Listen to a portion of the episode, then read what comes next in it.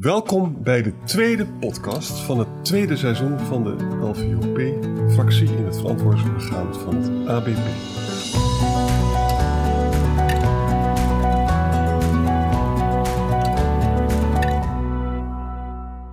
Vandaag uh, spreek ik, Arend-Jan Boekenstein, uh, samen met Michael Visser, met een doorgewinterde pensioenfondsbestuurder die luistert naar de naam Adrie van der Wurf. We hebben met elkaar afgesproken dat we elkaar mogen tutoyeren. Van der Wurf schrijft graag opinies in Pensioenpro, dat noemen we columns. En die hebben we uh, tot ons genomen ter voorbereiding van deze podcast. En in deze podcast komen op een aantal thema's terug die in, in die columns vaak aan de orde stelt. Het gaat over onderwerpen als het nieuwe pensioenakkoord, het contract, de vormgeving daarvan, maar natuurlijk ook de governance. We praten altijd over de governance. En de inrichting van het bestuurlijke model voor pensioenfondsen. Adrie van der Werf vindt daar iets van en wij bij de LVOP ook. Eerst even heel kort een biografie van Adrie van der Wurf. Adrie van der Wurf is 63 jaar. Hij is opgeleid als sociaal psycholoog en methodoloog. Eerst een tijd onderzoeker geweest en daarna als methodoloog statisticus aan de gang gegaan bij het roemruchte Sociaal Bouwfonds Nijverheid. Uh, daar heeft hij van alles gedaan. En op een gegeven moment gaat dat bedrijf dan Cordaris heten. En daar is hij voorzitter van de Raad van Bestuur geworden. Uh, dat is, heeft minder dan een jaar geduurd, want toen kwam er dus een fusie met het eh, APG. Vlak voor het uitbreken van de kredietcrisis in 2008 is die fusie gelukt. Die fusie leverde de APG-groep op, die werkte voor het APB en ook BPF Bouw en een aantal andere pensioenfondsen. Uh, van der Wurf heeft daar tot, 19, tot, sorry, tot 2014 in de raad van bestuur gezeten. Uh, en uh, na zijn vertrek bij het APG is hij onafhankelijk voorzitter geweest van een aantal pensioenfondsen. Heeft gewerkt als toezichthouder. En op dit moment heeft hij een sabbatical en doet hij allemaal hele leuke dingen. Bijvoorbeeld als klusser helpen bij een oude fabrieksruimte om te toveren tot een klein theater in Leiden. Onder de prachtige titel De Generator. En natuurlijk schrijft hij columns voor Pensioen Pro. Welkom Adrie van der Wurf. U zit in Leiden, een stad die ik goed ken. Michael Visser zit in Hilvarenbeek en ik zelf zit in Doorn. We hebben hier dus een interstedelijk contact. Hè? Het is vandaag 25 augustus 2020. De zomer zit erop. En dus is het tijd voor een nieuwe podcast, podcast 2, seizoen 2. Nou, laat ik eens met een eenvoudige vraag beginnen, meneer Van der Wurf. Is het eigenlijk wel leuk om een pensioenfonds te besturen in, de, in deze tijden? Je kan helemaal niet indexeren. Je moet waarschijnlijk gaan korten. En iedereen is eigenlijk altijd boos. Wat is de lol er eigenlijk nog aan? Ja, en dan heb je ook nog de financiële markten. Ja, die ook die op elk moment in elkaar kunnen storten. Ja. Dus eh, wat zal je dan blij zijn als pensioenfondsbestuurder? dat er een nieuw stelsel komt. Waardoor je niks meer, mee te, niks meer te maken hebt met die eerdere pensioentoezeggingen. Maar het wordt gewoon collectief beleggen voor rekening en risico van de deelnemers. Ja. Dus uh, ik denk dat al die eh. pensioenfondsbestuurders opgelucht zijn. Ja. Want, het is wel een beetje gechargeerd natuurlijk, hè? Ja. ja. want, want merk ik nu, Adrie, uit jouw opmerking dat je zegt, uh, is dat een beetje sarcastisch, uh, hè? dus dat het nu een nieuw stelsel komt, dat het nog wat leuker gaat worden of juist niet? Nou, kijk, um, Arend Jan zei, iedereen is boos. Maar uh, dat is niet zo. Het is niet zo dat iedereen boos en of ontevreden is. Veel gepensioneerden zijn vergeleken met de jeugd en met de werkenden heel erg tevreden met het leven dat ze leiden en met uh, hun uh, pensioen. Dus er is wel een groep die ontevreden is, en die laten zich ook heel goed in de publiciteit horen.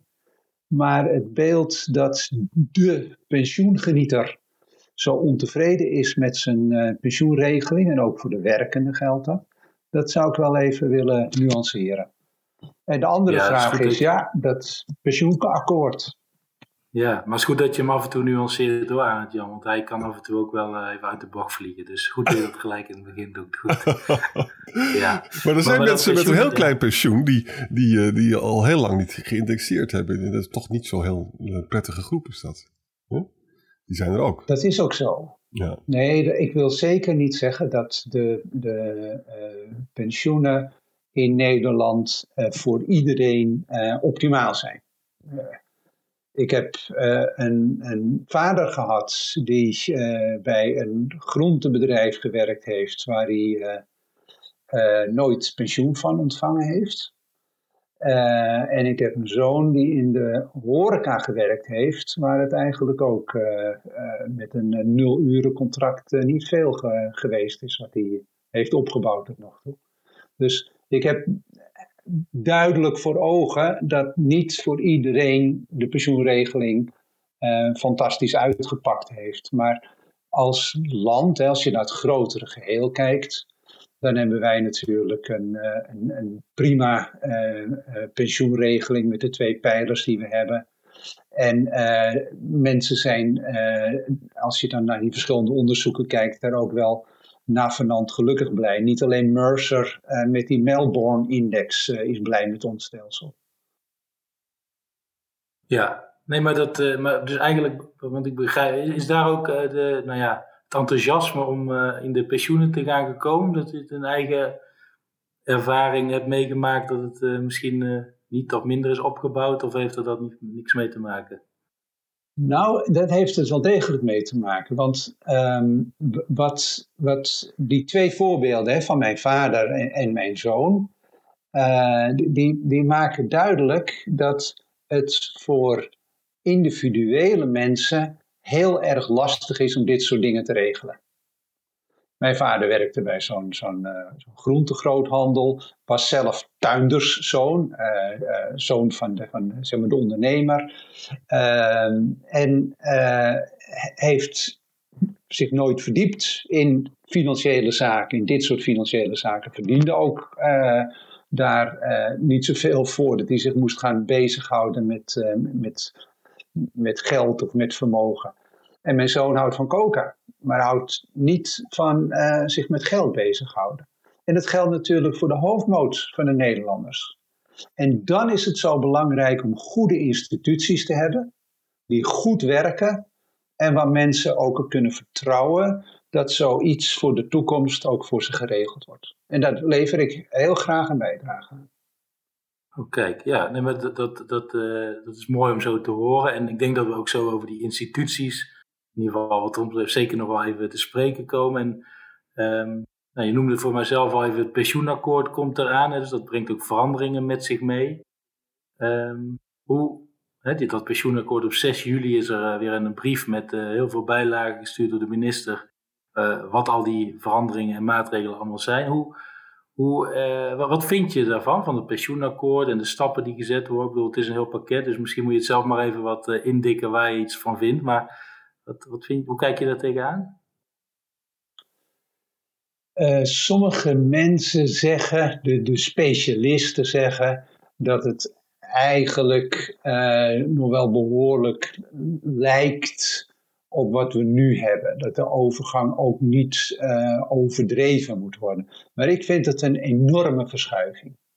Want het is een verschuiving van de verantwoordelijkheid die nu bij het pensioenfonds ligt, om uh, de, de, de, pensioenen ook eh, te leveren zoals toegezegd, het toegezegde pensioen. Dat gaat naar een toegezegde premieregeling. En dat fonds gaat dus van een uh, resultaatverplichting naar een inspanningsverplichting. En het risico komt ook formeel bij de deelnemer te liggen. En dat eh, is uh, een, een, een heel fundamenteel punt waarvan ik niet weet of de, de deelnemers zich dat wel voldoende realiseren. Maar in het, het huidige stelsel is toch de facto uh, ook een inspanningsverplichting geworden, omdat er gewoon zo lang niet geïndexeerd kon worden? Nou, daar wil ik twee dingen op zeggen. Ten eerste, de indexatie is uh, uh, meestal geen onderdeel van de resultaatafspraak, maar het is een nominaal pensioen. Dus dat die indexatie die er dan eventueel bij komt, dat onderdeel is wel een, uh, een inspanningsverplichting geweest, maar gewoon het leveren van het toegezegde pensioen, dat is een resultaatverplichting die nu bij het pensioenfonds ligt. En ook die vervalt. En ja, uh, maar dat is dat, precies... Dan zitten we dus in de, in de techniek, hè? dus dan zeg je al van inderdaad, dan moet je het al opknippen. Nou, heel veel deelnemers zullen dat uh, misschien niet weten, hè? Dat, dat, uh, dat dat een deel is wat wel is toegezegd of een deel voorwaardelijk is. Maar laten we aannemen dat ze dat wel weten. Dan, dat weten ze niet. Die... Dat weten ze echt nee. niet. Nee, nee oké, maar dus ze zijn wel boos. En, en moet je hier dan, als je ook de nuance wil aanbrengen, ook niet zeggen dat er wel periodes zijn geweest nou ja, tot welk jaar precies, misschien weet jij dat, maar dat er wel uh, die, die verplichting was voor uitvoerders, dat er overgegaan is van eindloon op middelloon. En het verschilt natuurlijk van, hè, van sector en fonds, maar zo heb je toch allerlei, uh, ook juridisch toch nog andere verplichtingen. Toch ook meer dan alleen nominaal?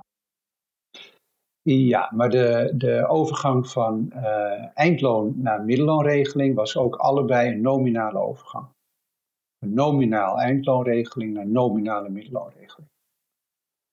Oké, dus gepensioneerden die zeggen dat ze recht hebben op indexatie, dat kan niet. Dat is er niet geweest. Uh, als je het even over de grote fondsen, noem het is, het is, uiter, het is uitermate zeldzaam.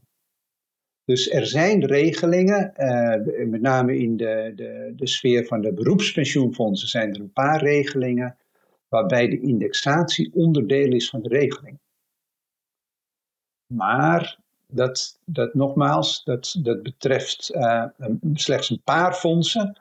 En op het geheel van de hele deelnemerspopulatie is dat maar ontzettend uh, klein.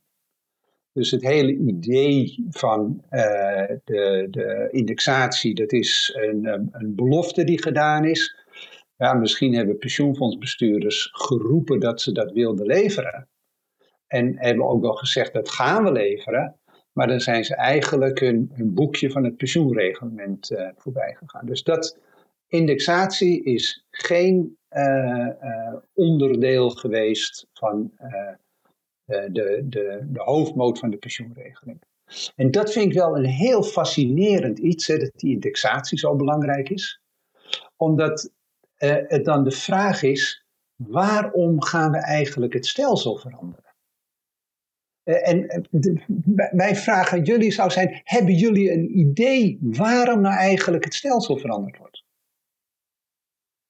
Nou, goede vraag. Ik heb, eh, als ik zal beginnen, maar ik heb wel een idee. Laat ik zeggen, toen ik begon te werken bij de universiteit, deed ik verplicht mee bij het ABP in een regeling. Nog steeds, ik werk daar deeltijd. Maar Um, volgens mij is er de afgelopen jaren veranderd toch wat uh, behoorlijk wat. Hè? Dan heb je het over de demografie, hè, waar uh, nou ja, in de jaren 50 misschien nog zeven werkenden op één gepensioneerde uh, waren. Zijn er dat nu nog drieënhalf ongeveer even. Gaan we in 2040, mhm. 2045 naar twee. Hè? Dus dat doet iets met je kosten. Hè? Vooral natuurlijk voor het AOW-deel. Je noemde dat toen straks de eerste pijler. Hè? Maar ook uiteraard ook voor je premies in de tweede pijler, we leven langer, hè, dus eh, de dubbele uh, vergrijzing. Uh, ik denk ook dat de maatschappij, dat mensen veranderen. Uh, hè, dus de, de, de 24-7 alles willen. Hè. Door de, de, observaties, gewoon nieuwere generaties die gewend zijn met andere producten, ook financieel. waarbij gewoon het pensioen, wat je dus opbouwt in een one size fits all, nou, niet meer passend is, laat ik het zo zeggen dat zijn een aantal zaken die ik zo kan bedenken, uh, die toch wel relevant kunnen zijn. En daarbij natuurlijk gewoon wijzigingen van wet en regelgeving, uh, doorsnee systematiek. Nou, we hebben het in andere podcasts uh, allemaal over gehad. Hè? Maar dus dat zijn een aantal zaken. Maar misschien heeft Arend Jan nog andere. Nou ja, ook gewoon, weet je, ik heb wel eens gedacht van, als ik nou in 2004 hè, meer van pensioenen had geweten, als eenvoudig historicus, hè, en ik, ik wist toen wat ik nu wist. En ik had gekeken naar het ABP waar ik bij zit. Uh, en ik was een, uh, uh, ik was een jong iemand. ja, dan is toch wel, daar gebeuren echt ongelofelijke dingen gebeuren. Dus, dus geen kostendekkende premie, hoe bedenk je zoiets? Ehm, renteafdekking, die gewoon onvoldoende gebeurt. Er wordt gegokt op een renteverhoging in een markt waarbij dat helemaal niet voor de hand ligt en waarbij andere pensioenfondsen dat ook allemaal niet gedaan hebben. Met andere woorden, ik vind dus in, in mijn specifieke situatie met het ABP, vind ik dat jongeren echt reden hebben om te klagen over de kwaliteit van het gevoerde beleid. Uh, en dat betekent dus dat het stelsel, dat heeft dat toegestaan. Hè? En dat lijkt me wel een reden om naar een stelsel toe te gaan, uh, uh, waarbij je dan toch duidelijker weet welk deel waar je nou eigenlijk recht op hebt dan een heel vaag systeem. Waarbij er dus ook herverdeling kan plaatsvinden tussen de generaties, zonder dat je daar eigenlijk je vinger achter krijgt. Begrijp je wat ik bedoel, mhm. Adrie? Jazeker, jazeker. Maar de, dan pakken we eens die elementen die jullie aandragen. Hè? Nou, dat, dat punt van er zijn uh, de verhouding werkende gepensioneerden is veranderd. Maar dat is inderdaad vooral voor de eerste pijler. Dat raakt niet de pensioenfondsen en die pensioenregeling op de kosten na. Maar daarvan kunnen we stellen dat eigenlijk de meeste fondsen tegen lagere kosten werken dan, ze, dan uh, eerder het geval was.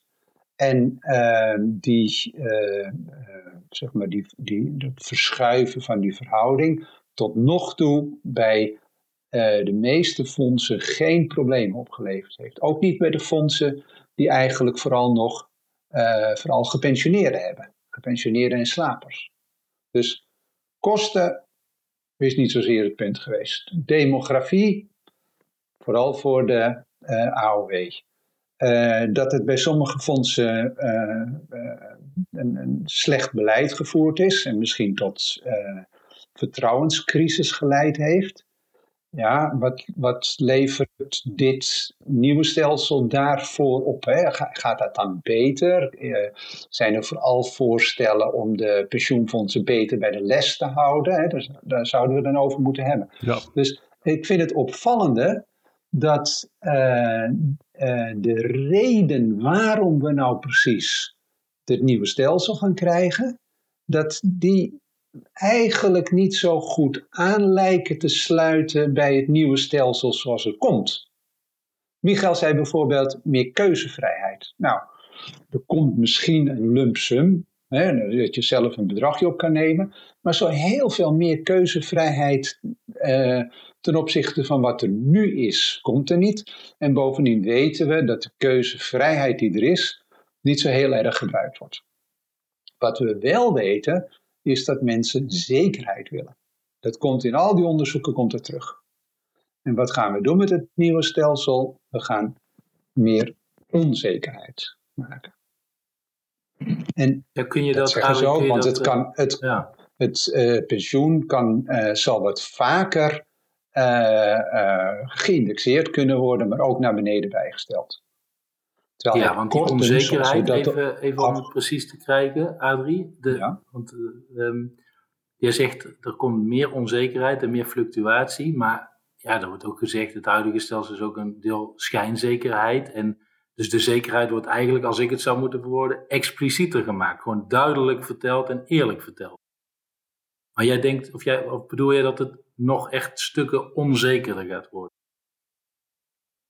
Nou, kijk, de, de, de, je kan zeggen van de, stelsels zullen de facto op elkaar lijken, maar op het moment dat de pensioenfondsen en eh, niet meer gehouden zijn aan het waarmaken van de pensioentoezegging, uh, kunnen ze daar ook niet meer op afgerekend worden natuurlijk.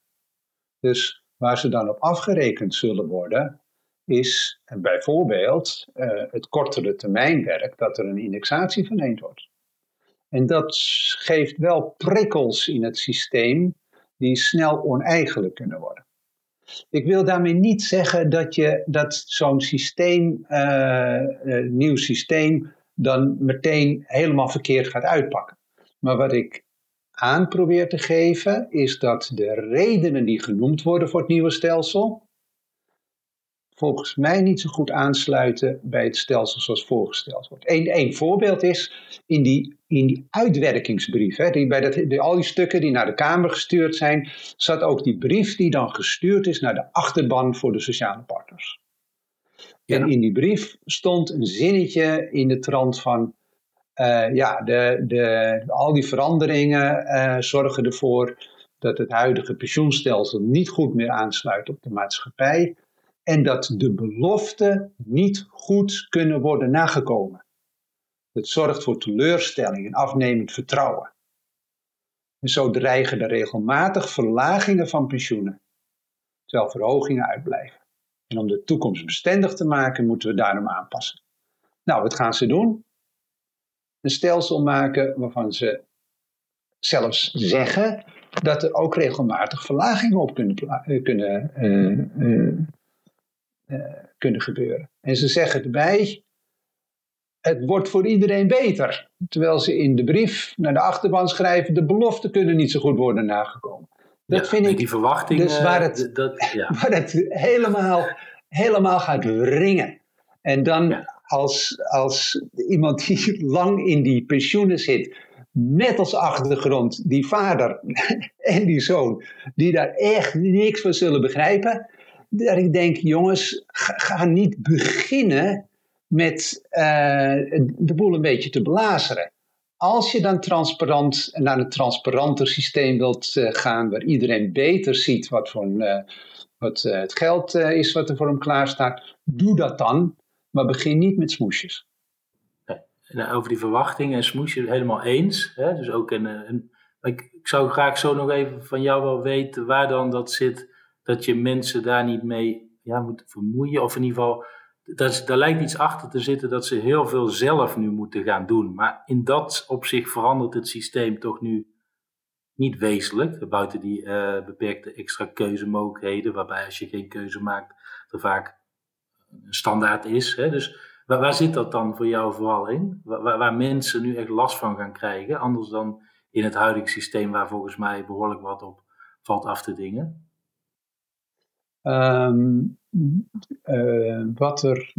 nou, ze, ze, kunnen ook niet zoveel. Dat, dat klopt. Dus uh, het is niet zozeer dat ze uh, nu allemaal dingen zouden moeten gaan doen. Maar ze krijgen nu nu, ik zeg nu, maar ik bedoel dus uh, met het ingang van het nieuwe stelsel, krijgen ze een overzicht van dit is het geld dat voor je klaar staat. En naar onze verwachting zal dat je pensioen zijn. Het jaar erop krijgen ze een ander bedrag en bijna zeker een andere verwachting voor hun pensioeninkomen. En het effect is dat we niet meer praten over oude inkomen, maar over oude dag vermogen. En dat wordt lastig voor mensen om dat op een goede manier te begrijpen. Ja, Kijk, de, de specialisten komen er wel uit hoor. Maar om dat goed te kunnen communiceren, met al die wisselingen van jaar op jaar, uh, kijk naar wat er de afgelopen uh, jaren gebeurd is met die dekkingsgraden van die pensioenfondsen. Nou, iedereen krijgt nu in feite een soort persoonlijke dekkingsgraad. Van is dat vermogen wat er voor jou staat straks wel genoeg om een, een redelijk, redelijk inkomen te hebben? En dat gaat per jaar verschillen. En als je het per maand wil communiceren, gaat het per maand verschillen. Ja. Om even de rijkwijde van je kritiek te doorgronden, hè? want het zijn allemaal zeer terechte punten die je maakt. Alleen wat je dan natuurlijk altijd afvraagt van, oké, je hebt grote bezwaren tegen het nieuwe stelsel. Hè? Betekent dat dat je, dat je positie is dat je het eigenlijk bij het oude stelsel had willen laten? Wat is jouw ideale stelsel? Dat is natuurlijk een logische vraag die dan opkomt. Als je zoveel kritiek hebt. Nee, nee. Eh, nee, dan, dan, dan, uh, dan, uh, dan breng ik dat niet goed over. Oké, leg uit. Ik, ik,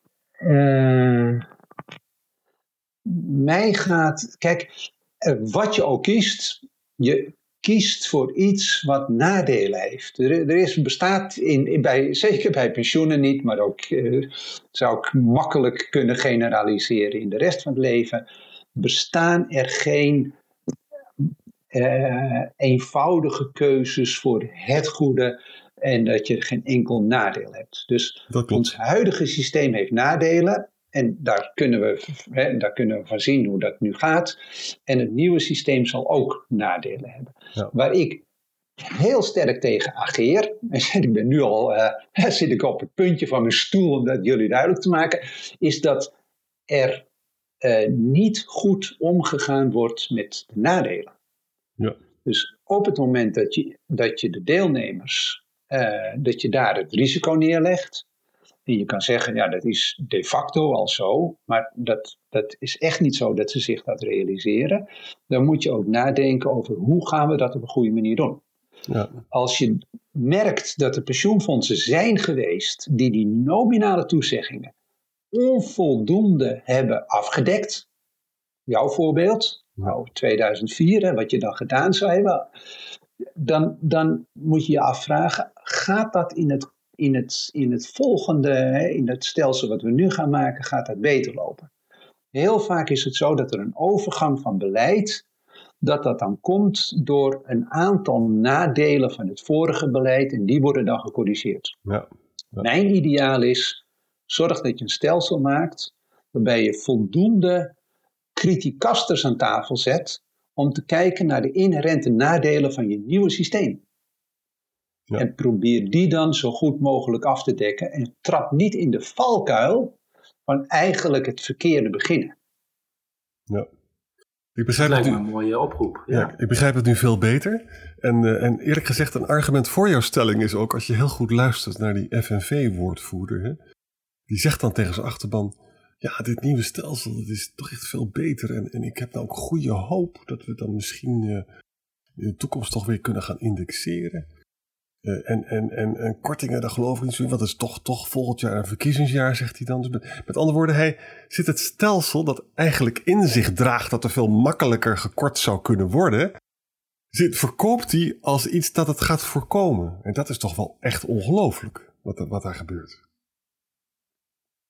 Ik heb ooit wel eens een column geschreven over uh, de retorica van de pensioenfondsbestuurders. Ja. Die bijvoorbeeld zeiden dat eh, als er gekort moest worden, dat er dan een bloedbad ontstond. Alsof het korten dan plaats zou vinden doordat met een zeis de voeten van de gepensioneerden afgehakt zouden gaan worden. Nou, ja, metaal en techniek je, was dat geloof ik, ja. Ja, ja dan ook nog metaal en techniek. Uh, de, de, de, dat soort beelden die dus alleen maar hele nare associaties oproepen, die moet je niet gebruiken tenzij je ze nodig hebt uh, om, je voor om je eigen belangen. Hè? Want we, we, kennen aan de overkant van de oceaan iemand die roept dat het allemaal geweldig gaat in, Nederland, in, uh, in de Verenigde Staten. Of dat daar ook al sprake was van een bloedbad. Uh, en het is allemaal om een, een belang te dienen van die betreffende persoon. Ja.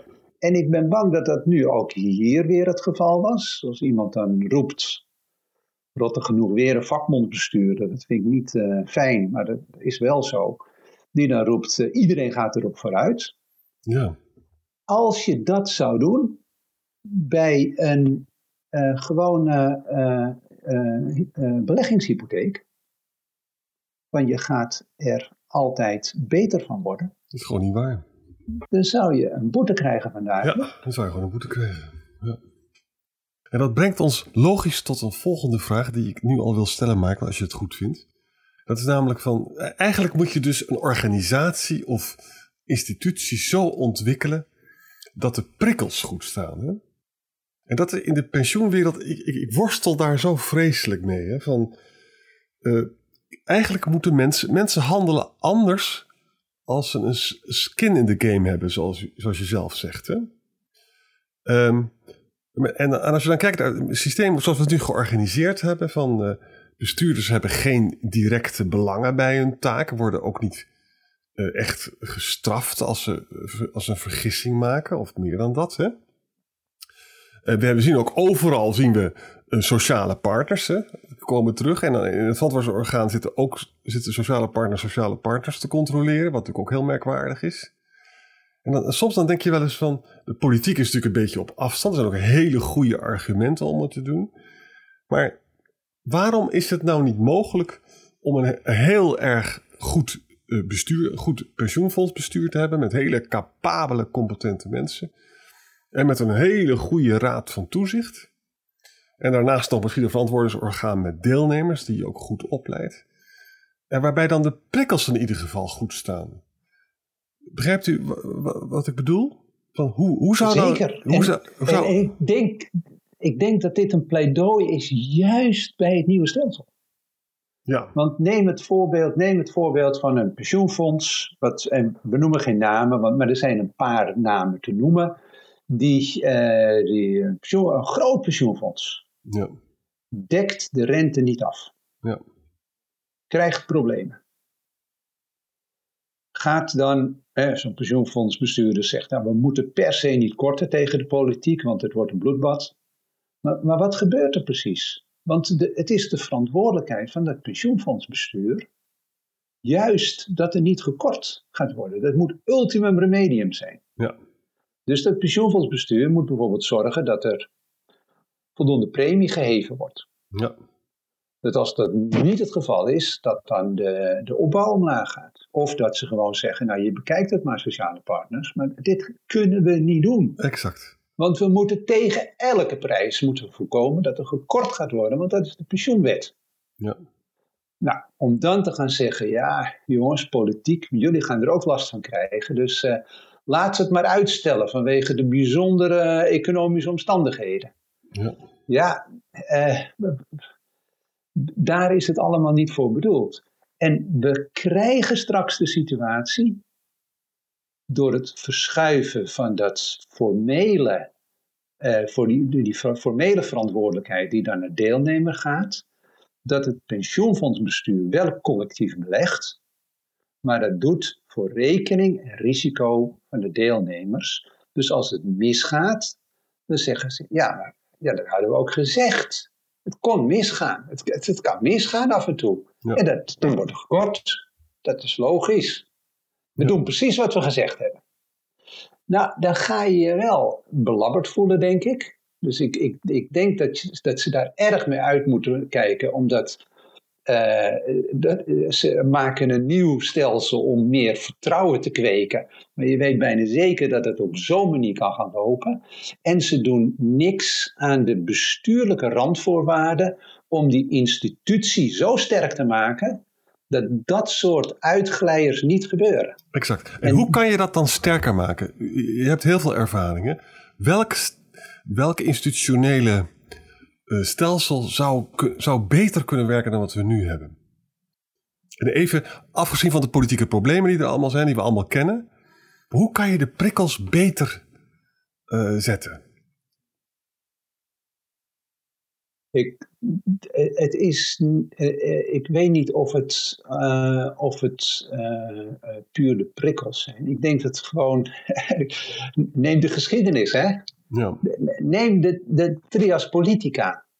In hoeverre regelen we het nou echt zo in dat een pensioenfondsbestuur bestaat uit professionals die, die, wier eer het erna zou zijn als dat mis zou gaan. Een, uh, een, een, een, niet uitvoerend, toezichthoudend uh, uh, bestuur van mensen die voldoende ervan weten en er bovenop zitten om bij te sturen. En zoals je bij een bedrijf de aandeelhouders hebt en in, in ons geval dan de, de deelnemers, een verantwoordingsorgaan of een, een belanghebbende orgaan, waar echt ook zeg maar macht gecreëerd kan worden om te zeggen, ja maar jongens, dit was uitdrukkelijk niet de bedoeling. En uh, vergelijkende wijs zitten jullie het nu zo slecht te doen, dat we dit uh, niet meer accepteren. Ja, en dat laatste is belangrijk, hè? want als dus het pensioenfondsbestuur een verwijtbaar beleid heeft gevoerd, en de Raad van Toezicht om wat voor reden dan ook is te slap geweest, dat kan allemaal, kan allemaal gebeuren. Hè? Dan heb je alleen nog het verantwoordingsorgaan. Dat moet dan ook meer bevoegdheden hebben. kan echt zeggen, jongens, maar zo, de deelnemers hebben hier zoveel last van gehad. Uh, er moet dus een driehoek zijn. Maar dan komt de vraag, ja. vind je nou dat de sociale partners in die driehoek moeten zitten? Dat is die, diezelfde trias politica. Er zijn zoveel mensen. Dat, dat is, eh, eh, ik kan me voorstellen dat je als geschiedkundige af en toe eh, je vuisten balt, omdat er zoveel denkwerk in het verleden al verricht is. En dat blijft gewoon liggen. Natuurlijk moet je de dingen scheiden. Natuurlijk moet je niet dezelfde bloedgroepen dan verantwoordelijk maken voor zowel de uitvoering als het toezicht, als de de, de, het ultieme. Dat ben ik nu zo uh, met u eens. Daar ben ik dan zo met je eens. Maar ik ook hoor. Dit, dit is, dit is dit echt. is ook wat de Raad van State heeft dit natuurlijk ook al, uh, nou wat is het, tien jaar geleden ongeveer, iets korter, ook al uh, gewoon in een advies weergegeven.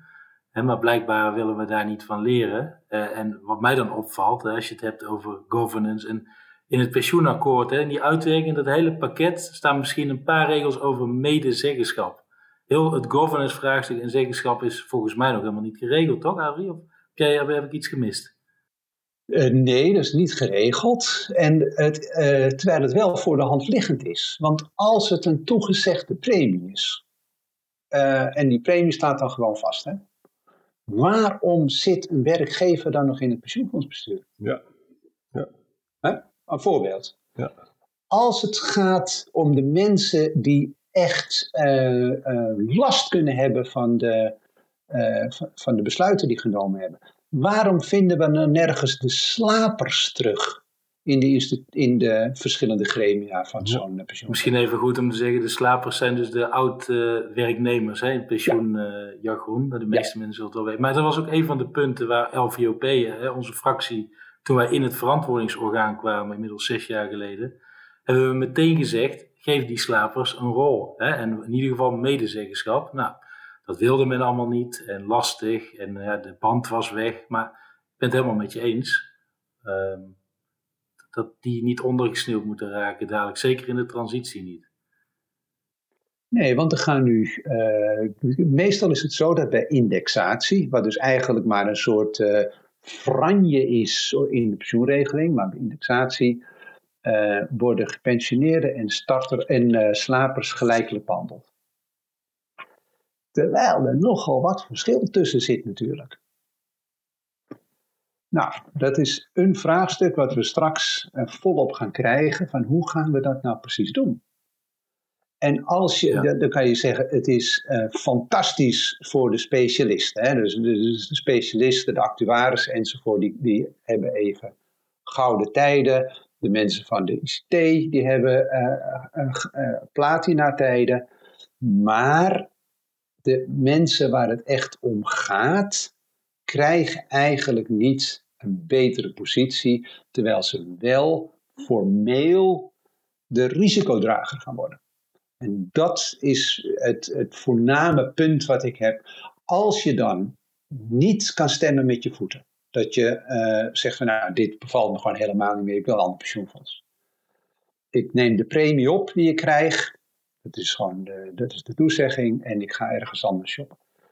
Niet dat ik daarvoor ben, hè, maar als je dat soort dingen niet hebt, dan heb je de verplichting als, als instituut en als, als uh, mensen die daarmee bezig zijn, om het zo goed mogelijk te doen dat je, dat je niet allerlei mensen gewoon al in de, dan weet je vooraf dat je ze in de kou laat staan. Maar Adrie, hier komt dan de vraag van, kunnen wij de disciplinerende werking van het stemmen met je voeten eigenlijk wel missen? Dat begin ik me steeds meer af te vragen. Ik begrijp heel goed dat er, dat er enorme nadelen zijn aan dat je met mensen met de voeten laat stemmen. Maar het is wel een, een methode van de deelnemer om te zeggen van ja, ik heb er zo weinig vertrouwen in. Ik pak mijn boeltje op en ik ga het ergens anders doen. En dat betekent dat pensioenfondsbestuur, net als verzekeraars, eh, gaan zeggen, nou jongens, we moeten wel heel goed product leveren, want ze zijn zo weg. Hoe, hoe denk je daarover? Nou, kijk, dat, dat, dat zou kunnen, maar ik ben er helemaal niet een voorstander van om dat te doen op het niveau van de deelnemers. We kunnen zien bij de ziektekostenverzekeringen dat dat eigenlijk nog, nog maar beperkt is. En dat er ook wel een beetje oneigenlijke elementen dan opduiken van ja, dat er producten bedacht worden om uh, deelnemers te lokken en dergelijke. Dus de, ik zou het niet. Ja, je krijgt allerlei marketingtrucs. Dus dan krijgen we straks het ABP die dan een uh, iPad cadeau geeft met daarop uh, voorgeïnstalleerd. ja, wat zal het zijn? De persoonlijke pensioenpot ja. of zoiets. Ja. ja. Maar we hebben natuurlijk wel de mogelijkheid om te zeggen: van kijk eens, je. je, je hebt de, er zijn verschillende voorbeelden van, ook bij de bedrijfstakpensioenfondsen, waarin je een bedrijfstakpensioenfonds hebt, wat niet verplicht is. Dat, dat, komt niet zo vaak voor. Maar mijn, mijn, laatste klus was als voorzitter bij het uh, fonds, uh, juist voor de, de ziektekostenverzekeraars, SBZ. En dat is een bedrijfstakfonds, dus wel degelijk voor die hele bedrijfstak. Maar het is vrijwillig. Dus de werkgevers kunnen dan zeggen: als de kosten te hoog zijn, of als het beleid niet goed uitgevoerd wordt, of als de communicatie niet deugt, kunnen ze zeggen: we stappen naar een ander. We gaan een andere oplossing zoeken. Ja, dus je hebt dus die vrijwillige fondsen, die zijn maar een beperkt aantal. En, en, toch even, want je, je maakte zelf net even die vergelijking met de zorgverzekering, dat je zei, ja, daar gebeurt het ook niet veel of weinig, maar dan heb je het over het aantal overstappers, denk ik, hè, wat iets tussen de, nou even uit mijn hoofd, 6 tot 8 procent misschien is per jaar. Ja.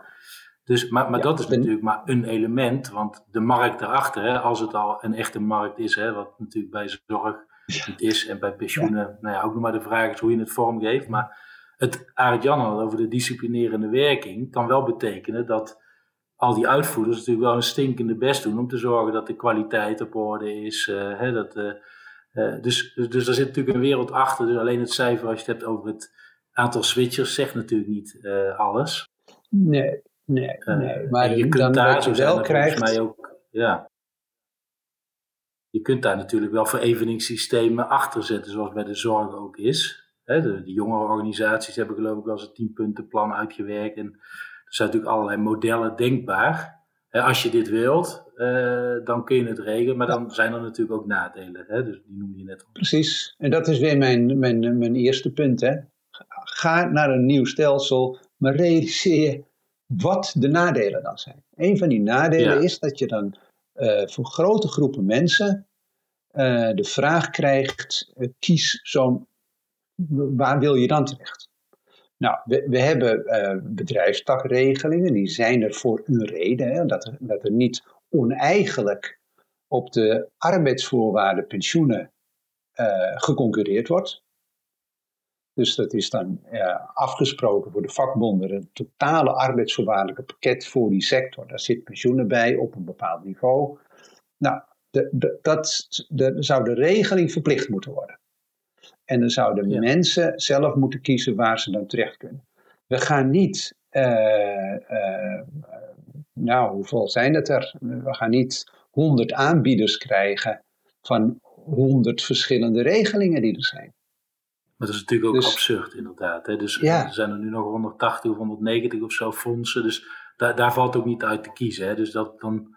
Uh, maar gewoon het idee wat je zegt, een koppeling aan de regeling zou al een alternatief zijn. Of het vrijwillig in plaats van verplicht. Er zijn ook zoveel stappen te maken. Alleen volgens mij lijkt alles hier.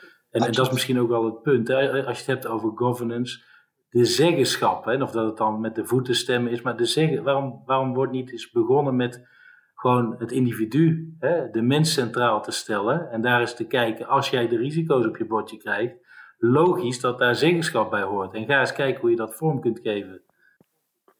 Ja, een van de, een van de, een van de grappige dingen van het schrijven van columns is dat je af en toe dus ook een, uh, een idee erin kan gooien waarvan, waarvan je denkt, ja, misschien is het een beetje eh, te geavanceerd, maar uh, voor de specialisten is het toch aardig.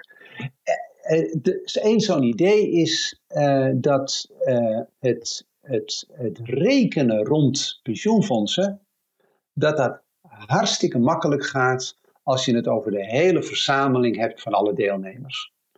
En als je het hebt over 60 jaar en nou, Kijk naar de herstelplannen, kijk naar de haalbaarheidstoetsen van al die pensioenfondsen. Het gaat allemaal makkelijk goed. Want ze rekenen met een verwacht uh, rendement. Uh, ze, de, de, de gemiddelden uh, die gaan lekker omhoog. En er is weinig aan de hand. Als je gaat kijken naar een individu, die heeft nou net niet het voordeel van de zogenaamde regressie naar het gemiddelde. Als het een tijdje slecht gaat op de aandelenbeurs, zal het ook wel goed gaan. Dus over 60 jaar komt het goed. Nee, zo iemand die is uh, 63 en die gaat er met zijn 67ste uit. En in die vier jaar gaat het gewoon echt helemaal verkeerd. En krijgt dus een laag pensioen. En dat is een heel ander soort kansrekening wat je dan hebt. Ja. Dan de kansrekening van de grote groep. Maar nou wil je duidelijk maken dat als je helemaal naar een, oh, misschien begrijp ik het anders, dat je helemaal naar een individueel pensioen gaat, hè, dat, je, dat je dan niet meer uh, de voordelen van het collectief zult halen of schaalvoordelen. Of, is dat wat je wilt zeggen? Nou, je hebt wel de schaalvoordelen bij het beleggen. En dat is een ja. kostenvoordeel. Maar als mensen uh, voor zichzelf het risico af moeten dekken van bijvoorbeeld rente. Ja, gaan we er maar eens aan beginnen. En ik wil niet de hele tijd mijn, mijn, mijn vader uit zijn graf halen om het uh, voorbeeld te zijn, maar uh, hij wist heel weinig over discontering. Ja. Ja, maar is dat in Nederland nodig dan? Zijn er regelingen waar je dat... Want op zich bijna anderhalf miljoen mensen in Nederland nemen al deel in een premieregeling, zo'n toegezegde premieregeling. Waar wat keuzes zijn. Het meeste wordt voor je gedaan, gewoon standaard life cycles met soms wat meer keuze. Dus is het ook niet een, een, ja, tegenstelling die, die, die daar vaak wordt geschapen door tegenstanders van een persoonlijke pensioen? Van ja, dan moet iedereen het zelf gaan doen en dat is slecht, minder welvaartswinst. Is dat niet wat overdreven? Nou, die, het, het, welvaartswinst, wat ik, probeer te zeggen is dat die welvaartswinst op het niveau van het collectief uitgerekend wordt. Als je gaat kijken naar wat mensen aan verlies kunnen dragen, dan uh, geef ik als voorbeeld wat de Nibud nu vertelt over de buffer die mensen hebben uh, in deze coronacrisis. Die is te klein. Veel mensen zijn zelfstandigen. Uh, veel mensen hebben gewoon uh, te, hoge uh, bestedingen, hebben, hebben te weinig buffervermogen. Als de economie nog verder aan gaat trekken, komen ze in de problemen. Dat is ook het vervelende van, van een aantal van die dingen. Dat je kan zeggen, nou Nederland is een welvarend land. Maar steeds weer duiken er mensen op terecht die zeggen, ja, maar heb je wel gekeken naar die onderkant, want dat gaat allemaal niet zo goed. En het gaat goed zolang er geen ellende gebeurt. Maar ellende in op het niveau van het individu, dat is een voetnoot in het geheel, of ja, zelfs minder, in het geheel van, van uh, de, algemene economie. En zo'n pensioenfonds met zijn 60 jaar uh, uh, horizon. Als het risico bij het pensioenfonds zit, die komt daar wel overheen. Want die heeft verschillende generaties deelnemers. Er wordt inderdaad een beetje tussen die generaties geschoven, dat klopt. Maar daardoor zijn ze wel robuuster tegen de, de, de rimpelingen van de tijd. De rimpelingen van de tijd, dat zijn voor mensen zijn dat enorme golven waar ze in kunnen verdrinken. En dat is het punt waar we ook op moeten letten op het moment dat we meer risico gaan leggen, of het risico helemaal gaan leggen bij de deelnemers. En dan kunnen we zeggen dat we dat gaan opvangen met, uh, met life cycles. Maar die life cycles, die gaan we niet, die, die, die staan aan het begin, staat dat zo hoog dat mensen bij wijze van spreken meer in aandelen beleggen dan ze aan vermogen hebben ja, nee, maar helemaal eens, even, Adrie, helemaal eens met jouw punt. Hè, dat gemiddelde, hè, daar, daar, daar gaat, dat, gaat, eh, dat zei de presentatie, dat gaat niet werken. Eens en buffers inderdaad in deze tijden op persoonlijk vlak dat er die weinig zijn. Spaargeld, ja, dat, dat, dat zien we inderdaad. En dat is natuurlijk heel vervelend. Ik, ik zelf denk dan ook wel van, zou dat ook niet kunnen? Dat er voor een deels weinig liquide buffers zijn, omdat we in Nederland nou, ook wel weer collectief en gemiddeld bezien massaal verplicht pensioen sparen. dus zouden niet groepen ook juist kwetsbaar zijn, doordat er nou, veel verplicht opzij gezet moet worden? dat, dat, voor mij is daar nog niet echt onderzoek naar gedaan, maar dat zou wellicht interessant zijn.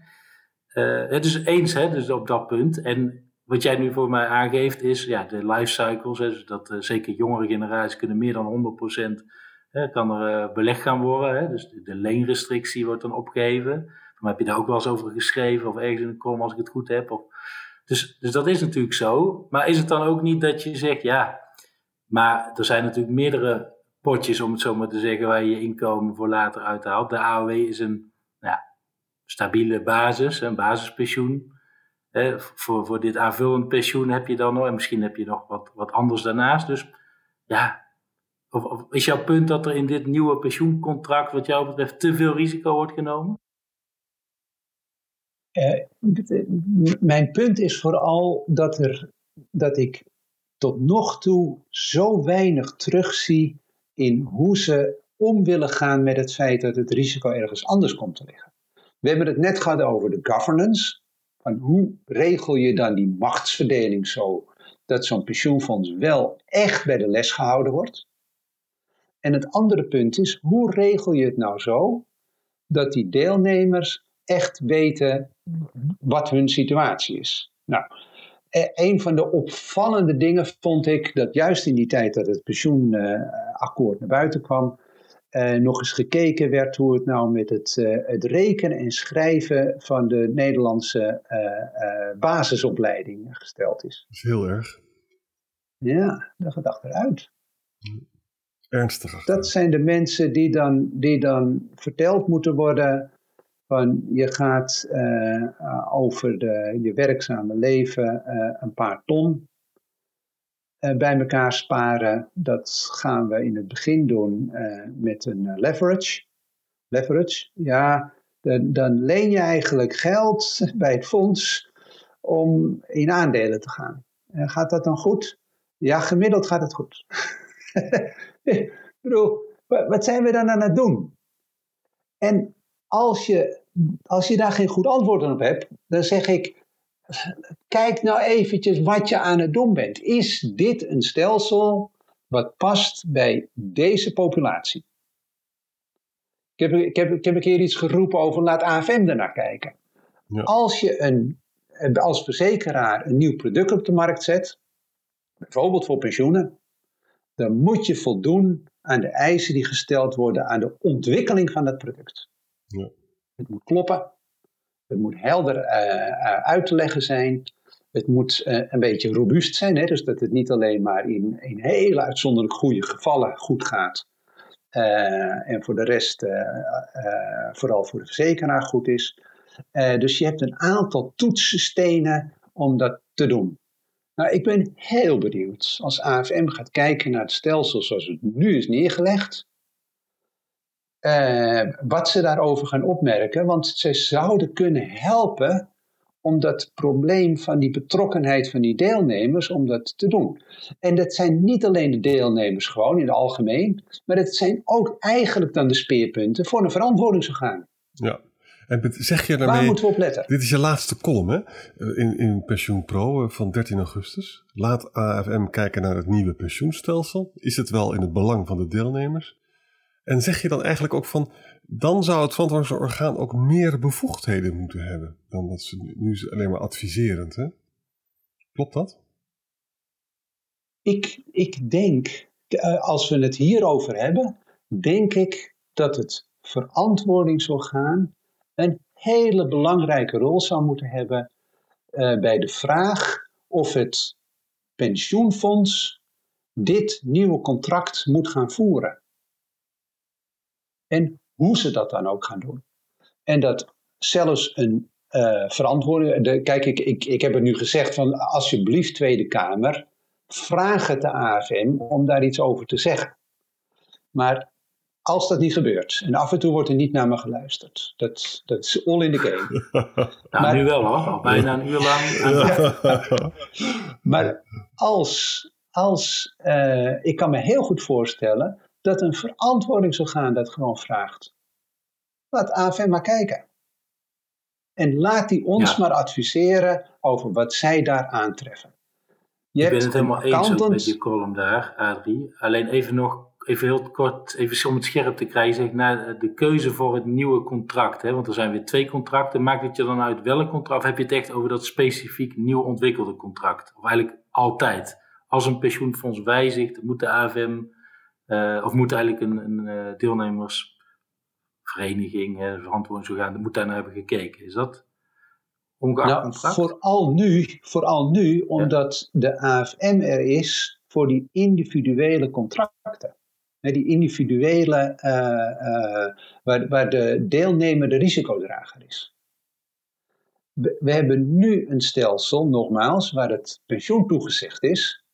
En vervolgens gaat DNB kijken of het pensioenfonds het goed genoeg doet. Ja. Maar straks heeft de DNB daar geen rol meer in. Nee. Maar even in alle eerlijkheid, ik had eigenlijk gehoopt dat de AFM uh, eh, die rol die jij nu hier ook uh, vraagt, eigenlijk al tien jaar geleden op zijn minst uh, ook had genomen bij het huidige contract. Want als je daar ja. toch naar kijkt, wat er, nou laat ik toch even het ABP als voorbeeld nemen. Een reglement met, nou ja, bijna 200 pagina's, overgangsregelingen, diverse toeters en bellen. nou, de Belastingdienst is er niks bij. Dat, dat zou je toch normaal niet door een goedkeuringsproces krijgen van een product, of wel? Nee, nee, nee, dat denk, ik, dat, dat, denk ik niet, maar laten we het gewoon vragen. Ja, lijkt me waarom, goed. Waarom kunnen we het niet vragen? Ik denk dat de AFM namelijk, kijk, die AFM, die zit er. Ik, eh, er wordt wel eens kritiek geuit op, uh, vanuit de sector op DNB en AFM. Uh, ik vind dat heel vaak uh, toch een beetje Ehm, eh, ja, dat ze eh, kritiek gewoon niet leuk vinden. Net zoals een verantwoordingsorgaan of een raad van toezicht af en toe te veel op afstand gezet wordt.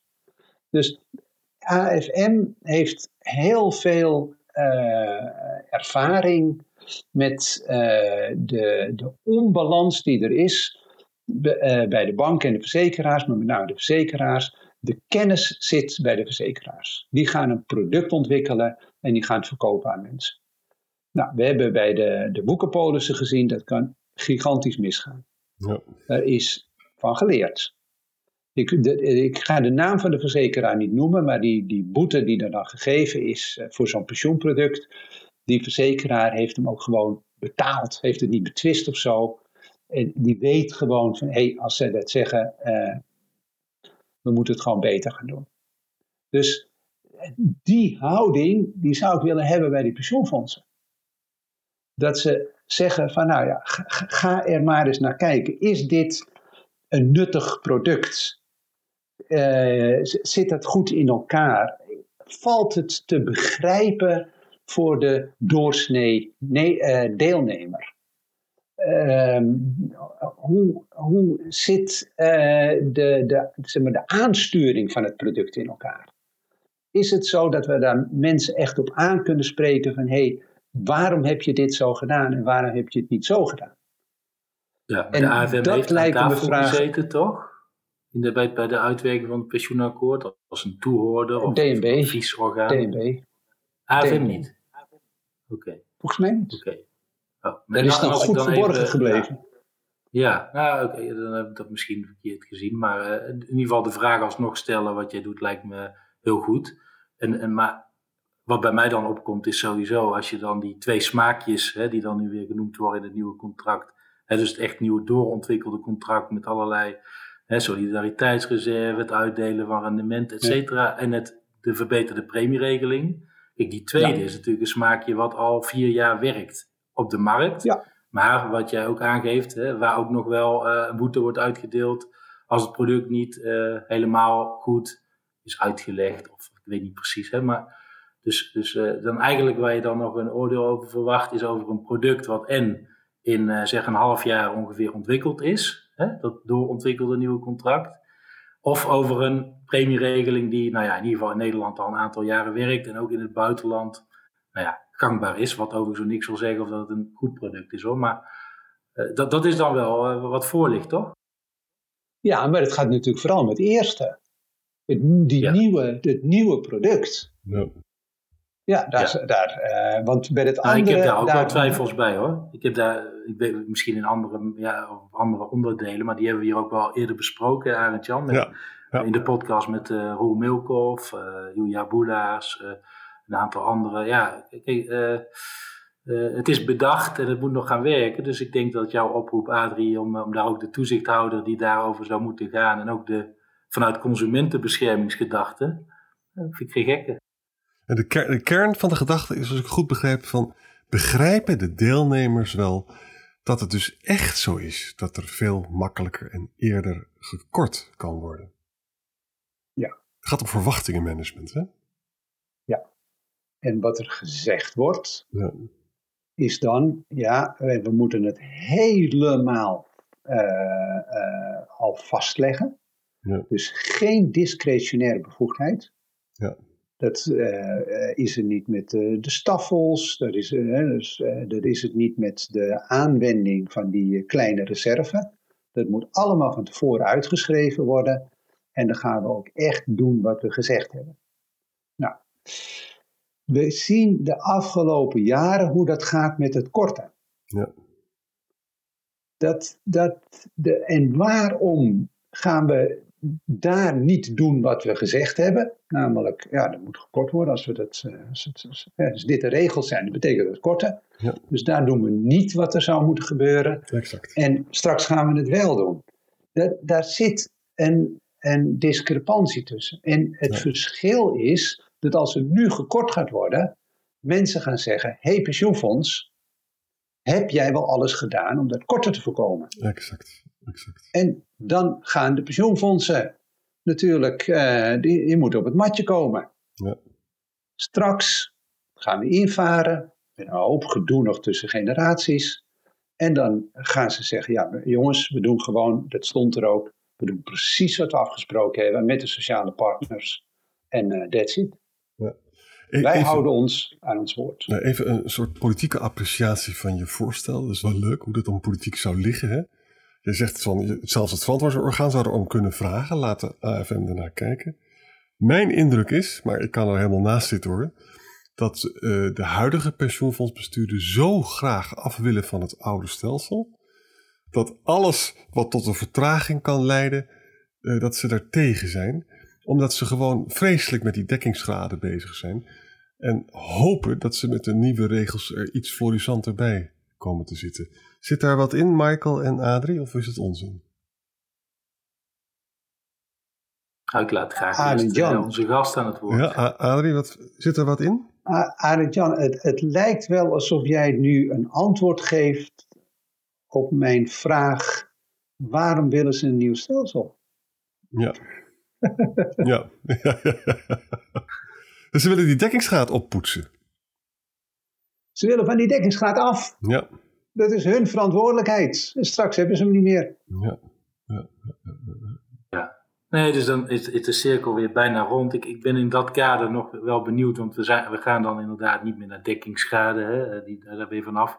Rekenrentes, hè, komen wel weer andere dingen voor terug. Maar eh, nog even in het begin daagde jij ons uit van, nou ja, waarom eh, zou er een nieuw stelsel kunnen of moeten komen? Hè? Eh, die herverdeling, hè, die er nu dus zi- zit en waar ook de politieke invloed hè, of, eh, van toezichthouders met eh, eh, uitstellen van maatregelen, weer vooruitschuiven of rekenrentes. Ehm, eh, en, de doorsneesystematiek. Kun je daar nog iets op zeggen, Adrie? Daar ben ik nog wel benieuwd naar wat je daarvan vindt als reden. Hè? Dus die doorsneesystematiek, jongeren, dezelfde premie voor dezelfde opbouw. En op een gegeven moment in de tweede helft van je carrière word je ZZP'er of ga je in een sobere regeling of ander iets. Daar zit best wel wat herverdeling in, toch? Nou, over doorsneesystematiek. Ik, ik beschreef al eh, eventjes dat, dat voorbeeld van SBZ. Hè, dat, dat, dat, dat is dan een fonds, bedrijfstakfonds, met eh, vrijwilligheid. En in vrijwilligheid kan je helemaal niet werken met zo'n doorsneepremie. Dus die hebben een actuariële premie. Ja. Dat, dat hoort er dan ook bij. En dat betekent, ze hebben ook trouwens zo'n zo'n zo'n vernieuwde, het vernieuwde doorbeleggen in de vorm van, van een, een, een premieregeling. dus ja. daar kan heel veel en de doorsnee is inderdaad uh, een probleem op het moment uh, vooral dat, er, dat je uh, dat in- en uittreden krijgt. Overigens vooral bij ondernemingspensioenfondsen. Want bij bedrijfstakpensioenfondsen komen die mensen ook nog wel eens een keer terug. Maar dat is één probleem. Het, het, het, de andere punten die je noemt, die, ja, die zijn wel even van een ander niveau, vind ik. Dus. Ja, maar dus even als om, deze scherp te krijgen. Ja, om deze scherp te krijgen, Adrie. Dus eigenlijk, als ik jou ook het voorgaande wat je hebt aangegeven, zit jouw bezwaar dus vooral op dat nieuwe doorontwikkelde contract. Want je gaf net aan, ik heb bij een pensioenfonds gezeten op basis van vrijwilligheid die al in een premieregeling zaten, met actuariële, dus zeg even uh, hè, premies, dus geen doorsneesystematiek, dus daar zit geen herverdeling in. Dus, dus ja. Ja, dat draait gewoon goed. Kijk, want het punt, is, het punt is, in hoeverre is die, uh, die, dat verschuiven tussen generaties ingebakken? Hè? Nou, dat, dat is op sommige plekken is dat inderdaad ingebakken. Nou, we hebben geen rekenrente meer en voor zijn eigen potje op en klaar. Maar dan gaan we van tevoren de regels maken van de, uh, van de lifecycle. Hoeveel mag iedereen uh, risico lopen? Dat wordt van tevoren bepaald. Daar kunnen mensen helemaal niet in kiezen, maar dat is een soort uh, stramien. Dan hebben we het invaren, waar nog een hoop gesteggel gaat komen over wat nou precies waar zit, want er zit nu ontzettend veel geld bij de jongeren in de reserveringen. En we hebben dat, uh, het, uh, het solidariteitsreserve. Waar natuurlijk toch ook verdeeld kan worden. En ook dat moet van tevoren bepaald worden. Hoe gaan we dat nou doen? Ik ben bang dat dat gaat gebeuren tussen de sociale partners, gecontroleerd door de sociale partners, voorgelegd aan een gremium van sociale partners. Ben je dan af van de problemen? Nee, want je weet van tevoren al dat wat je daarna blijven. Dus dan ga je, gaat dan gesleuteld worden. En als je dan onvoldoende in je hoofd hebt zitten, dat daar toch een politieke kant aan is en dat je dat zo zuiver mogelijk moet houden, dan vind ik dat je eigenlijk een beetje, uh, nou ja, uh, ik ben niet gelovig, maar uh, dan lijkt het op God zegenende greep. Ja. Zeg heren, wij moeten een beetje gaan afronden. We hebben al uh, uh, 68 minuten. Dus heel veel. Dus ik, uh, als je het goed vindt. Dan knippen we jou gewoon stukken eruit, Arend Jan. Ja, dat kan altijd. Dat kan altijd. Adrie, mag ik je heel hartelijk bedanken voor je bijdrage? Ja, dankjewel. Heel graag gedaan. Ik vond het een leuk gesprek. Mooi. Dit was de tweede podcast van het tweede seizoen. Wij danken Adrie van der Wurf voor het delen van zijn expertise. In de volgende podcast spreken we voor de verandering eens met een jurist. Wij ontvangen niemand minder dan Hans van Meerten. Met hem gaan we over de EU en het pensioendossier spreken en over consumentenbescherming, een onderwerp dat ook in deze podcast werd aangestipt door Adrie van der Wurf en dat ook van Meerten nauw aan het hart ligt. Als u vragen wilt stellen via Twitter kan dat altijd. Apenstaartje LVOP underscore ABP of naar de persoonlijke Twitter-accounts van Michael Visser, Michael apenstaartje pensioenschijf en AJB is apenstaartje AJ Boekenstein. Bedankt voor het luisteren en tot de volgende podcast.